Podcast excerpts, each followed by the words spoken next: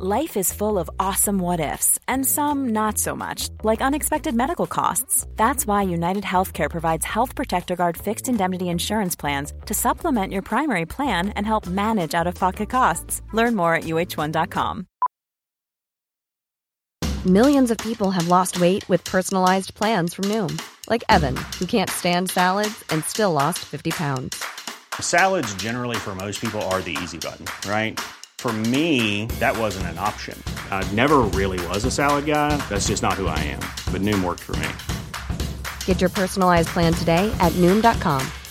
Real Noom user compensated to provide their story. In four weeks, the typical Noom user can expect to lose one to two pounds per week. Individual results may vary.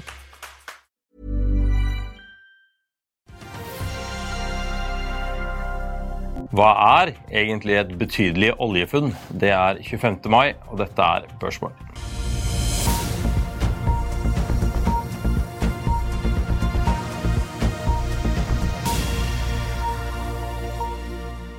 Velkommen til Børsmorgen her hos Finansavisen. Mitt navn er Marius Mørk Larsen, og vi har med aksjekommentator Karl Johan Molnes i studio. Og snart skal vi snakke med Pål Ringholm, men først Gjeldstaket fortsetter å prege nyhetsbildet, i alle fall for de politisk og økonomisk interesserte, kombinert med rente- og inflasjonsnyheter. Onsdag kveld ble det offentliggjort et referat fra forrige rentemøte i Fed, noe som ikke ga forventninger om en mulig pause i rentehevingene. Kredittselskapet Fitch har samtidig satt USAs nåværende trippel A-vurdering under overvåkning, og sier den kan bli nedgradert om det ikke blir enighet om gjeldstaket. Alt dette bidro til å legge en demper på aksjemarkedet, og de tre ledende amerikanske indeksene endte i går i minus.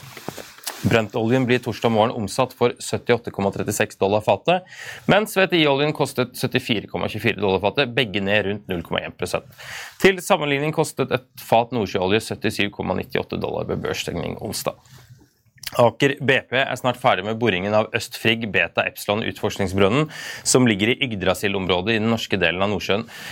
Boringen har resultert i et større oljefunn. Foreløpig estimatet indikerer et bruttovolum på 40-90 millioner fat oljeekvivalenter, mot tidligere kommuniserte 1845 millioner fat oljeekvivalenter. Kid økte inntektene med 0,1% i første kvartal på konsernnivå. Kid bidro positivt, mens Hemtex hadde negativ utvikling. Driftsresultatet fra før og nedskrivninger endte på 56,5 millioner kroner mot 110,4 millioner kroner i samme periode i fjor. Nettoresultatet kom inn på minus 57,4 millioner kroner. Intrafish skriver at prosessen med å selge SalMars aksjepost i Frøy kan nærme seg slutten. Kilder sier at det allerede er blitt gjennomført en runde med indikative bud, og DNB Markets har satt budfrist for siste runde i overgangen mai-juni. Intrafish skriver at interessentene antas å være internasjonale fond, og det er spesielt interesse for brønnbåtdelen av rederiet. I februar inngikk det hardt pressede biotekselskapet Targovax finansiering på 300 millioner kroner med det London-baserte fondet Atlas Capital Markets gjennom et konvertibelt obligasjonslån. Aksjene har siden den gang falt med 45% Vi leter kontinuerlig etter bedre finansieringsalternativer, men dette gjør at vi ikke er nødt til å sette en emisjon på voldsom rabatt, sier konsernsjef Erik Digman Wiklund til Finansavisen. På Rette Securities øker kursmålet på Adevinta fra 95 til 100 kroner og beholder en kjøpsanbefaling. HSBC eh, beholder holdanbefalingen, men kutter kursmålet fra 90 til 95 kroner etter kvartalstallen. Onsdag stengte aksjen ned i 78,05 kroner. City nedjusterer kursmålet på Elkem fra 38 til 31 kroner, og tviholder på en holdanbefaling. Dette var jo de kjappe nyhetene. Det som har vært den store nyheten i dag, er jo denne, det oljefunnet til Aker BP. Betydelig oljefunn ble dette beskrevet som. Hva tenker du om det, Karl Nei, det, det, betyr jo at det ikke har skjedd så mye her i Norge. Da. Det er jo viktige ting som skjedde med Nvidia i USA. Det er mye viktigere, det kan vi ta senere. Men dette er jo et uh, lite oljefunn, og det vet Aker BP. Men det er jo en eller annen som har skrudd på en forsterker her i prosessen, og så har dette blitt veldig stort. Da. Det, uh, det det feltet er på 650 millioner fat, og dette øker feltstørrelse med 5% i forhold til det tidligere anslaget da, for hovedområdet Noakas. Og eh, det utgjør en 4-5 kroner av en aksjekurs på 250, altså 2% Og det er vel det pluss-minus liksom Når noe er bare 2 av noe, så er jo det statistisk insignifikant. Så istedenfor ekstremt stort, så kan man skrive statistisk insignifikant som overskrift. Mm. Så det påvirker egentlig ikke så veldig mye det de, Nei, det, det står jo pressemeldinger. Det er jo ikke sikkert de kommer til å gjøre noe med det heller. Så det, dette her er Det betyr jo at det skjer veldig lite i Norge, men det, det skjer veldig mye ute i verden, så, så, det er jo flott at det skjer litt hos oss, da. Tror du man klarer å holde hodet kaldt i dag og likevel la være å løpe og kjøpe Aker BP-aksjer, da? Eh, ikke at man ikke altså, nødvendigvis skal la være, men om å kjøpe på denne nyheten? Eh, altså, det, du må jo ha mye penger for å flytte den kursen, så det, jeg tror ikke det. Jeg tror det gir en god følelse til folk som eier aksjen, og de, de som eier den, de eier den. Og, men de som er storaksjonærer, kan disse tallene forlengs og baklengs, så de vet at eh, det er støy, og, og, hvis de ikke visste det, så kan de bare se i innboksen sin fra notatene fra meglerhusene, så blir de helt sikre. Det, men det er jo alltid hyggelig at det er noen som heier på noen. Kanskje litt stilt, kanskje litt tynn suppe derfra for tida, og da må man ut med et eller annet. Ja, man håpte vel kanskje at ja. uh, i alle fall, uh, Det var vel mange som håpte at dette skipet i Suez hadde satt seg ordentlig fast, så vi kunne få en ny runde med, med, med den type nyheter som vi hadde for noen år siden. Ja. Men før vi rakk å gå i studio, så hadde de allerede rukket å slepe løs denne uh, dette lasteskipet, så det, da ble det Aker BP som ble dominerende. Ja. Du snakket om Nvidia. Ja, det er jo helt sensasjonelt. altså Der har man eh, kommet med guiding og oppjustert eh, salgsinntektene for andre kvartal, da, som vi, vi, er midt inne i, fra 7 milliard til 11 milliard dollar. Dette er et marked der Nvidia har 90% av. Det er da, det er da chips, eh, kunstig intelligens, og formålet er rett og slett å komplett redesigne datasenter. Og Dette er et selskap som dominerte på datagrafikkort, de dominerte på krypto, har en egen evne til å ligge foran. Hva er det som ligger bak dette her? Jo, det er jo fordi at eh, Taiwan Semiconductor trenger ordre. Ordrene kollapser jo da, både for PC-er og, og, altså laptoper og mobiltelefoner. Veldig svak ordreinngang. Og de bygger jo en stor fabrikk i Arizona. og de store kundene også innen skytjenester, eh, som eh, Amazon og Microsoft, de merker jo at det salget faller. Du går fra 50 vekst ned til 10 vekst. og Da setter de seg ned, de spiser jo middag og finner ut hva kan vi gjøre nå for å få opp veksten. og Da satser de på kunstig intelligens, satser på chatbots, og så ender det opp med at du får store ordrer. Og det er klart, Disse ordrene her, det er jo, ikke, det er jo, det er jo industrielle ordrer. Fire milliarder dollar liksom drar de opp av hatten. Så jeg tipper dette her er ganske likt fordelt. det er da mellom mellom Google, eh, Microsoft og Amazon. At det er de som eh, har, står bak det meste av dette. De har jo penger og kan gjøre dette her. og Da får Taiwan, Taiwan Semiconductor skal jo gjøre alt dette her. og Da får også hele verdikjeden med, med alle de andre selskapene, som de nederlandske selskapene som lager maskinene, og du får memory chips-selskaper. Så det blåser liv i hele sektoren. Og det trengs i en økonomi der at det er veldig mye annet som går veldig galt. Mm. Men dette her er sjokking. Og de, de sier også at salget kommer til å bli enda bedre i andre halvår. Dette her er liksom sånn, dette er virkelig sjokking, altså. Er, jeg har ikke sett maken på ti år, altså. Mm. Og jeg, jeg hørte på, hørte på konferansekollen i går kveld, og jeg hørte på en, en sånn Twitter Space analytikersamtale også rundt dette. her, da, Så jeg var ikke i seng før godt over midnatt i dag. da. Så. En Twitter Space, Var det Ron DeSantis sin kampanje du satt og nei, nei, ventet på? Nei, nei, han, han klarer seg sjøl. Ja, det, det, var feil plattform å gjøre det på, kan det tyde på. Ja, nei, han, han, han kaster ikke bort tida på sånt.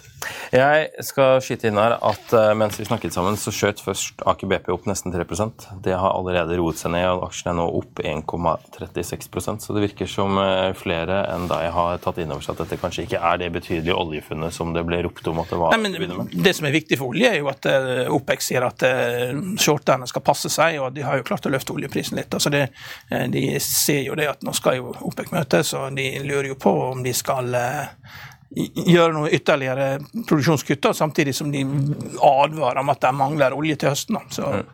så det, det, er mer sånne ting som altså Oljeprisen er jo viktig på kort sikt. Da, og jeg tror vel Aker BP har funnet nok olje for en stund når vi er med på Sverdrup-feltet. Det er liksom ikke der slaget står. Det, liksom, det, det, pumpes jo inn, og det er god lønnsomhet. og det er, det, er nok av gode grunner til å sitte og eie den aksjen. Han trenger ikke å trenger ikke, jeg, tror ikke, jeg tror ikke det de trenger. Det er ikke de som har funnet på dette her og, la, og, og brukt kommunikasjonsbyrået for å få dette her ut. Det er jo en eller annen som rett og slett har eh, ja, det har vært litt lite å skrive om i dag. og mm. Nyhetsterskelen har vært lav, og da er det lett for at noe, noe uvesentlig kan bli vesentlig. da. Ja. Du, Det er alltid spennende og hyggelig å høre deg prate, men det blir enda hyggeligere når vi har Pål Ringholm her. Så vi, jeg tenker vi tar inn han rett etter denne kjappe reklamepausen. Vil du bli oppdatert på det viktigste som har skjedd innen finans og næringsliv? Da er det bare å følge med, for hver morgen er jeg, Marius Lorentzen og aksjekommentator Karl Johan Malnes på plass i studio for å ta tempen på dagens marked i Børsmorgen. Og hver ettermiddag oppsummerer vi alt du trenger å vite i økonominyhetene, og det blir selvfølgelig masse interessante gjester. Klikk deg inn på fa.no-tv, eller søk opp Børsmorgen og Økonominyhetene der du hører på podkast.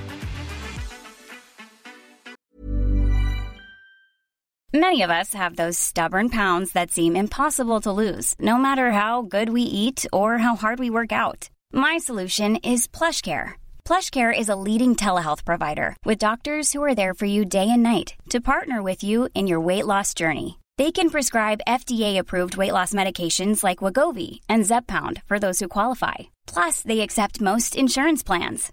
To get started, visit plushcare.com slash weight loss. That's plushcare.com slash weight loss.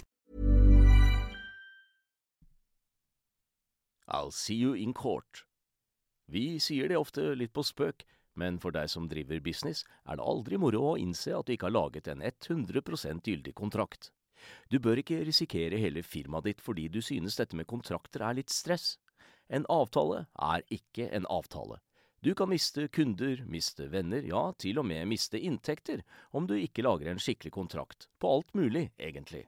Men vi vet det er et styr. Kopimaskiner, tregprinter og haugevis av papir. Dessuten stoler vi jo på folk her i landet. Det er ofte litt kleint å skulle be om en signatur for alt mulig, ja, for mye av styret handler også om jakten på underskriften. Det finnes en enkel måte å løse dette på, Dukkobit. En trygg, effektiv og get this, gratis måte å sikre seg en god natts søvn pluss en juridisk bindende avtale. Dukkobit-appen har de strengeste sikkerhetskrav i bunn, samt en EU-godkjent og sertifisert teknologi. Framover vil det bli behagelig å spørre du, skal vi skrive under på det, eller? Kom i gang på dukkobit.no.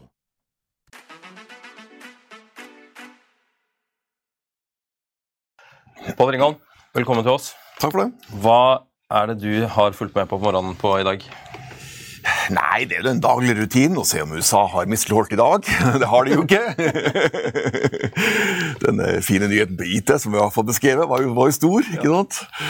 Um, og så er det da, ikke sant, hvis man liker litt sånne um, wordings, da, ikke sant? så var jo da, det som kom da fra uh, Vi har jo tre store, da, to pluss én, da, hvis det er ratingbyrået i verden. altså Det er Moody's og SMP som er det store, så det er Fitch nummer tre. da.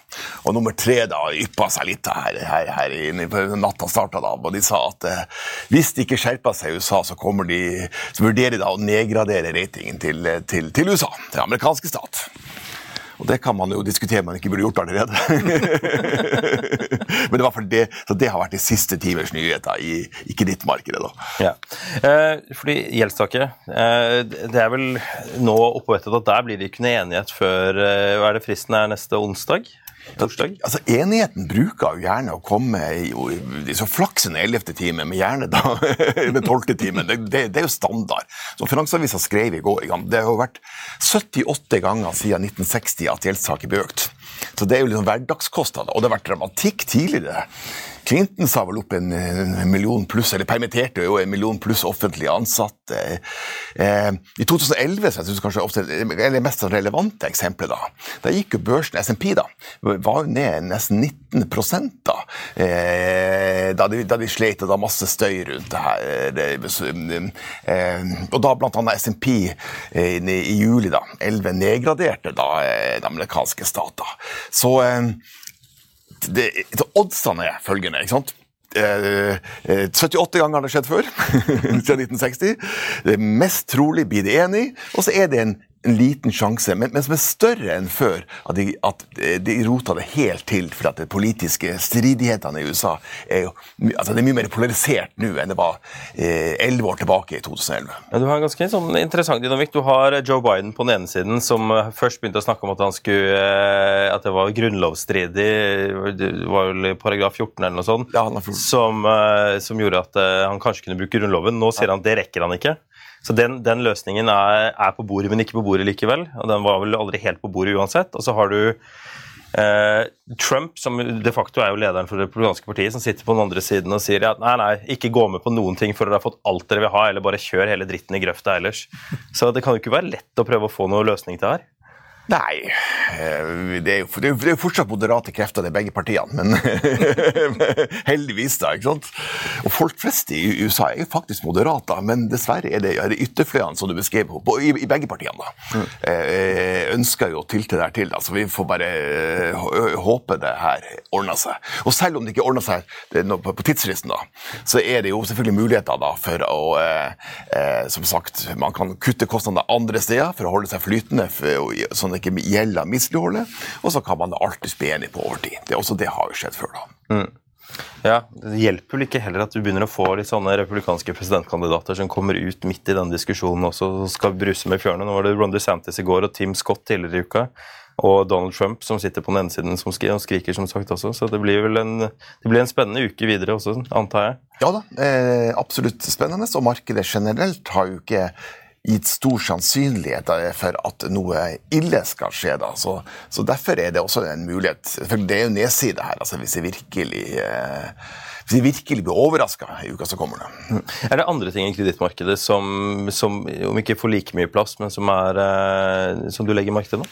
Ja, altså Det er denne rekkefølgen av kausaliteter som jeg syns er utrolig interessant. og den er følgende. Det var den største tilbaketrekning av likviditet siden The Great Depression i USA. Fordi at du, du pøste på så mye penger først, ikke sant? og så trekker du tilbake. Det samme med den største økningen som vi har pratet om før her, den eh, relative største økninga i langrenta siden, siden Giljotin gjorde sitt arbeid under den franske revolusjonen, eh, har medført punkt tre at eh, statsobligasjoner som ligger på bankenes balanse i USA, blir mindre verdt, som har medført punkt fire, at du trenger ikke mer enn en Twitter-konto med tilstrekkelig mange følgere for at du plutselig får et bankrun. Så tenk Silicon Valley Bank. Eh, som medfører punkt fem, at hvis du nå spør banksjefen i USA, så vil de låne ut mindre penger. Og da kommer vi til punkt seks, og det siste jeg skal ta, nemlig at det kommer til å bli tap nå på næringseiendom, spesielt kontoreiendom i USA big time, fordi at folk sitter hjemme og jobber, og det er ledighet i store byene på kontoreiendom fra 20 til 30% I Oslo er det 5 ja, nå, nå, hører jeg ørene spisse seg hos Karl Johanne. Ja, ja. Nei, dette er ja, ja, dette er jo, er jo Vi får jo stadig mer informasjon, og det begynte jo ganske uskyldig med at man trodde at 20% skulle være hjemme og så blir det 40% og så begynner rentene å gå opp, og så ser man det at dette her er jo faktisk en finansieringssak. At det er 40% av disse lånene skal fornyes i løpet av de neste to årene. Og hvem er det som har finansiert dette rundt omkring i USA? Det er regionbanken som finansierte kontoreiendommen i sine egne byer. For det er jo sikkert som banken. Ja. Helt riktig. Ja. Og, og, og, så er det et marked, akkurat som det norske næringseiendomsmarkedet. Alle sitter og later som ingenting. Du tar strutsen og later som ingenting ja. inntil den dagen du må refinansiere lånet. som ja, sagt her. Ja. Helt riktig. Og da, da blir det omsatt til uh, egenkapitalen blir wipa ut, og, og ja. Det er null, null verdt egenkapital. Men, men det, det, du får da, er jo at uh, i de mellomstore byene Der er jo ikke så veldig mange store byer i USA, men, men de mellomstore så er det regionbanken som tar tapet. Men i de store byene så er det klart, de er jo veldig rike. De som virkelig taper på det, er jo kommunene. Altså det som staten, altså byen New York, byen Washington, byen San Francisco, byen Los Angeles. Når de skal begynne å lage kommunebudsjettene sine, så vil jo de mangle mye penger. For de pengene som før ble brukt i byen, de blir brukt nå i forstadene. Og, og, Der har det aldri manglet penger. så Det er jo bare at de som har, har mer fra før, får mer. Og, så det, du, det det koker ned til, at du er nødt til å resette hele amerikansk økonomi. Og Det skjer hver fjerde, fjerde generasjon. Det er bare å lese boken Fort Turning, som Neil Howe kommer ut med om en måned. Eh, der forteller han hvordan dette skal skje. Og, og, og det er den slags kompromiss man er nødt til å skape. Vi må bare ta Donald Trump. Han sa vel dette omtrent samtidig som eh, JP Morgan hadde kapitalmarkedsdag. og Jamie Dimon er jo kanskje en av de beste til å formulere seg på en Han, han, han deler ut fornærmelser på en hyggelig måte måte. Han sa, han sa at det er nok en ting Donald Trump ikke kan noe om. ja, altså hvor dramatisk kan dette bli? Um, nei, så jeg tenker det at Vi snakker, vi, vi snakker ikke, vi snakker ikke om sånn subprime igjen. Vi snakker ikke om at eh, Husk på to tredjedeler av den amerikanske økonomi er folk flest, altså det consumers. Igjen. De er ikke så gira som før, selv om man kan sette spørsmålstegn med, med husprisene. Det, det har aldri vært større forskjell mellom hvor mye det koster å eie et hus i USA og hvor mye det koster å leie. Eh, så, så det er et lite spørsmålstegn der. Eh, men det er nok til at det er sannsynligheten for at den kommende resesjonen, som mest trolig får vi i USA, da, at, den kan bli, at det ikke blir så soft som mange argumenterer for. Det er risikoen her. da. Mm. For det jeg går og tenker på mye sjøl i forhold til egen eksponering. Mm. Det, så vi, det vet vi ennå ikke, selvfølgelig ikke, vi vet ikke det ennå, men den risikoen er større nå eh, enn i hvert fall mange hadde forståelse av for et halvt år tilbake. da. Mm. Jeg skjønner. Uh, dette er jo, hvis, hvis, vi tar dette hjem, da altså hvordan, Dette er jo amerikansk næringseiendom du snakker om. men ja. altså, Vi har jo også snakket mye om svensk, eh, svensk næringseiendom. Altså, ja, det der er jo svaret gitt. at ECB kommer jo til å slutte å finansiere heimstaden. og Det er jo den viktigste långiveren deres ute, så der blir jo det problemer. Da, men de har jo Alekta bak seg, da, det store eh, svenske forsikringsselskapet som, som eide tre amerikanske bankaksjer, og alle tre er allerede konkurs før krisen har kommet i gang. mens de solgte seg ut av Handelsbanken og en del andre svenske banker fordi at de ikke var miljøvennlige nok. Og de hadde både Silicon Valley Bank og, og First Republic og Signature Bank. Kjøpte på earnings growth, og det er jo farlig i bank. Nei, altså, Sverige er det bare å tenne et lys for. Altså, det, der har jeg fortsatt et forbud internt på å investere, bortsett, bortsett fra to utstedere. Eh, jeg har vært bedre på flere år. Altså, Tenk deg å gå litt tilbake i tid. For hvor mange måneder tilbake i tid så var det en nasjon som hadde 0 i rente, selv om inflasjonen allerede da var 4% Nå er inflasjonen 10,3-10,4 eh, Renta er kommet over 3 Det er en inflasjon på det dobbelte av det masse emerging market-land har.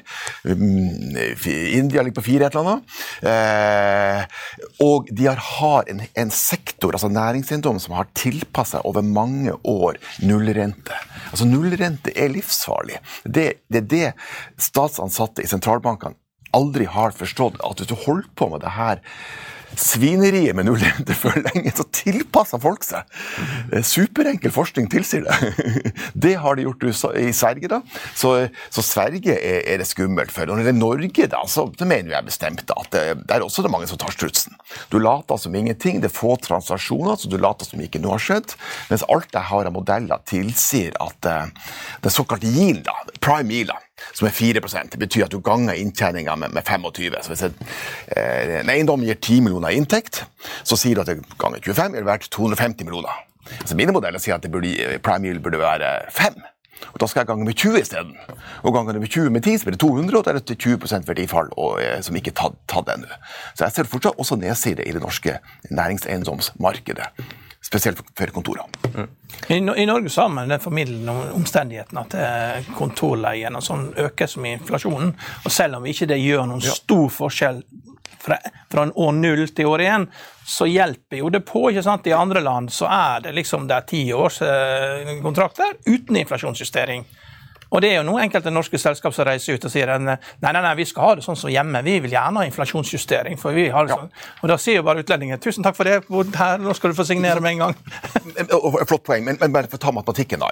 Eh, eh, hvis du da får et verdifall på 20% så kompenserer kanskje den inflasjonen med la oss si 5-6% så du taper bare du tapte bare 14 altså. Ja. Men det betyr bare at næringseiendom er ikke en inflasjonsbeskyttende investering det første året rentene går kraftig opp.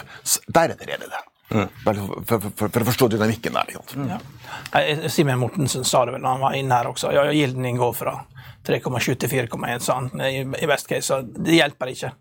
Nei. Mye dårlig nytt. Er det noe positivt nytt? Ja, selvfølgelig. Ja, ja, ja. Altså, det, nå har vi, nå, vi har jo prata om mørket, da. eh, ellers, nei, det er jo fantastisk år, altså. Det, det, er jo eh, Det har jo eh, eh, Altså, det er jo det, det, gikk ikke så dårlig i, Europa som vi var redd for å starte året, og, og, og takk, takk, til en varm vinter for det. Eh, Kina får vi jo se da, hvordan utviklingen blir økonomisk, da, men de kommer i hvert fall fra et lavt punkt og det, med det året her, og så får vi se hvordan det går i USA. I sum har jo året vært utmerket for, både rente og aksjer. Så eh, eh, verden, verden, verden, går videre. Altså. Så får vi bare se det, hvor, hiccupsene, hvor, hvor stor de blir da, og det er spesielt den amerikanske økonomien vi lurer på. da. Mm. Så litt sånn, For å ta det videre, hvilke, hvilke, ting ser fristende ut nå, og hvilke ting vil du styrt unna? På investeringssida, ja. Jeg, altså, jeg synes fortsatt Ok, uh, La oss begynne veldig enkelt. Uh, hvis du er veldig stressa på hva du skal gjøre, du må investere eller ikke, så slapp av. Du kan bare sette pengene i et norsk pengemarkedsfond, og du får 4% rente mens du, mens du skal bestemme det. Eh, fine. Utmerket. Det er, liksom, det er bra med, med at renta har økt. Aksje, aksjesida Jeg syns på, på, liksom, på, mellomlang sikt da, ikke sant? Og, eh, emerger market uh, fortsatt virker interessant. I, I, en verdensindeks der, litt avhengig hvordan du setter den sammen, da, der USA utover 60 av amerikanske markedet kan du hevde er, er fortsatt dyrt, selv om ikke så elevert i 2000, så er, er, er det på value-messig mye flott å se på innenfor merger market på aksjesida. Mm. Eh, på solide kreditter, eh, med masse bra investeringer du kan gjøre. Eh, altså ref, ref Du kan bunne på 4 rente, og så kan du øke litt for 5 ikke sant? Så det, det, det, er klart det er, det er alltid muligheter der ute. Du må må, bare se litt bredt på hva du kan investere i. selvfølgelig. Du, du, sier du ikke har lov å gå noe særlig i Sverige, og Japan har jo vært et marked som har vært forbudt for mange investorer. Har du lov å se på det? Det har jo plutselig våknet til live her i år. Ja, så, så, så vi, vi, vi, har et veldig bredt mandat. Det, det selvpålagte med Sverige, da, med ordens skyld. Eh, nei da, men, men det, det, gjelder jo å prøve å styre unna, være forsiktig med der det er ubalanser. Og Sverige er et sånt marked der det, der, der det er ubalanser. Mm. Eh, litt tilbake til emerging markets. fordi ja. den, eh, Det stempelet er jo litt bredt. Men hva, ja. hva, innenfor her er det som du syns ser spennende ut? Ja da, så, så emerging markets er jo noe annet enn det var på 80-tallet. Emerging markets på 80-tallet var, var Latin-Amerika. ikke sant? Eh, nå er det midt 70% Asia. Mm. Folk flest bor i Asia. Eh, så det emerging market har blitt da. Eh, da syns jeg det er interessant å se på, selv om det har vært surt på Hongkong-børsen de siste tre dagene. ikke sant? Eh, så hun også, Men jeg nesten mer om se perspektiv på det. Den der er alt fra, fra sære børser som Vietnam, som fikk juling i fjor, som jeg syns ser interessant ut, til, at, å være, til å kunne investere i Kina hvis du har et mandat til å gjøre det. Selvfølgelig er det geopolitisk risiko, alle har fått det med seg det, og det, og det, og det kan skje noe der. Men prisinga, hvis du går og ser på prisinga i mange, av de markedene her, så er det på den billige delen. Altså, det er liksom et standardavvik under normalprising, gjerne. da. Og så er kanskje fortsatt India dyrt, da. Eh, for å male en veldig bred pensel. I tillegg til det, å bare tenke land, da, så er det jo tross alt noe med emerging market at det gir tilgang til en del investeringsstrategi, eller, eller, industrier som du nødvendigvis ikke har så mye av i, i, i Vesten. Da. Om det være ny teknologi, om det være biler, eller alt av underleverandører til biler, så, så skjer det jo veldig spennende, spennende ting, bl.a. ut fra Kina. I, I teorien så ser jo Brasil bra ut, men det virker ikke som at folk går på den likevel. Det, hva syns du om Brasil? Nei, Brasil også, jeg, det, ser jo du ser på nøkkeltall Det skjønner du har gjort det igjen. Ja. altså, Brasil ser jo interessant ut, og de har jo eh, rimelig, fått rimelig kontroll over De har vært veldig tøffe på, på, på, på, renta, ikke sant? så de har rimelig kontroll over eh, eh de, de, interne omstendighetene. Ikke sant? Så nei, absolutt. ikke sant?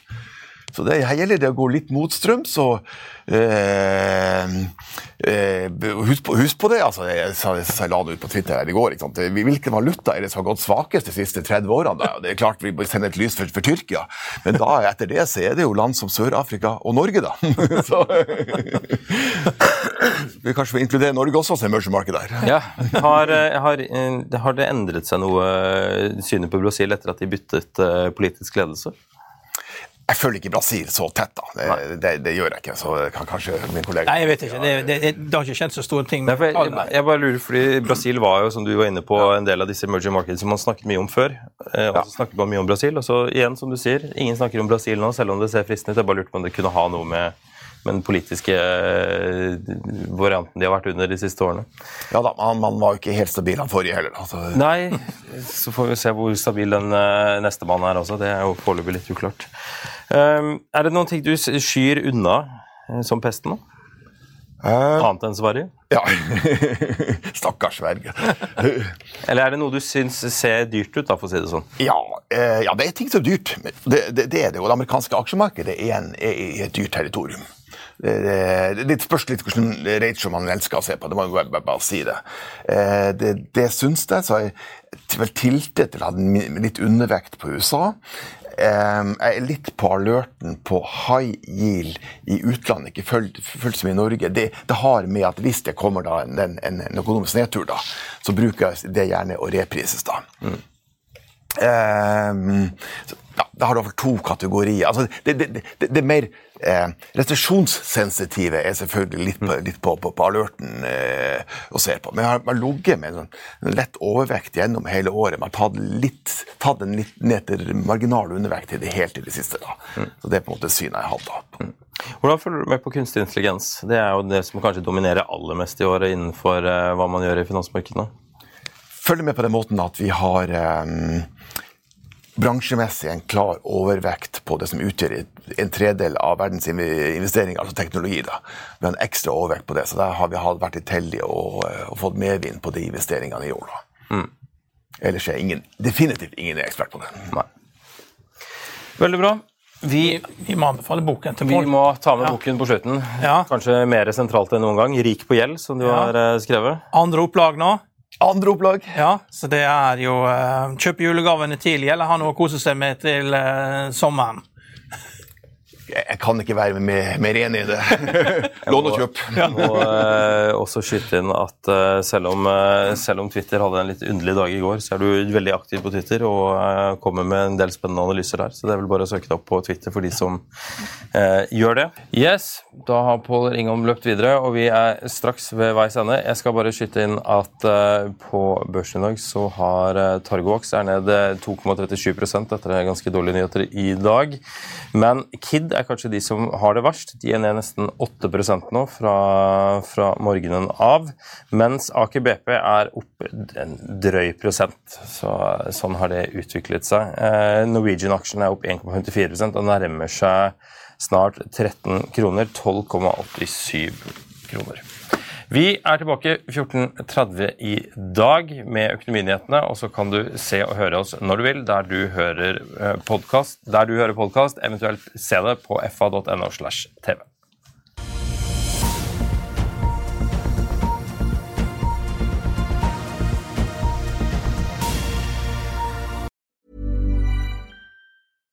Hi, I'm Daniel. Cats and cat owners deserve better than any old-fashioned litter. That's why I teamed up with scientists and veterinarians to create Pretty Litter. Its innovative crystal formula has superior odor control and weighs up to 80% less than clay litter. Pretty Litter even monitors health by changing colors to help detect early signs of potential illness. It's the world's smartest kitty litter. Go to prettylitter.com and use code ACAST for 20% off your first order and a free cat toy. Terms and conditions apply. See site for details. Hey, it's Paige DeSorbo from Giggly Squad. High quality fashion without the price tag? Say hello to Quince. I'm snagging high end essentials like cozy cashmere sweaters, sleek leather jackets, fine jewelry, and so much more. With Quince being 50 to 80% less than similar brands. And they partner with factories that prioritize safe, ethical, and responsible manufacturing. I love that. Luxury quality within reach. Go to quince.com slash style to get free shipping and 365 day returns on your next order. Quince.com slash style. Without the ones like you who work tirelessly to keep things running, everything would suddenly stop. Hospitals, factories, schools, and power plants, they all depend on you. No matter the weather, emergency, or time of day, you're the ones who get it done. At Granger, we're here for you with professional grade industrial supplies. Count on real time product availability and fast delivery. Call clickgranger.com or just stop by. Granger for the ones who get it done.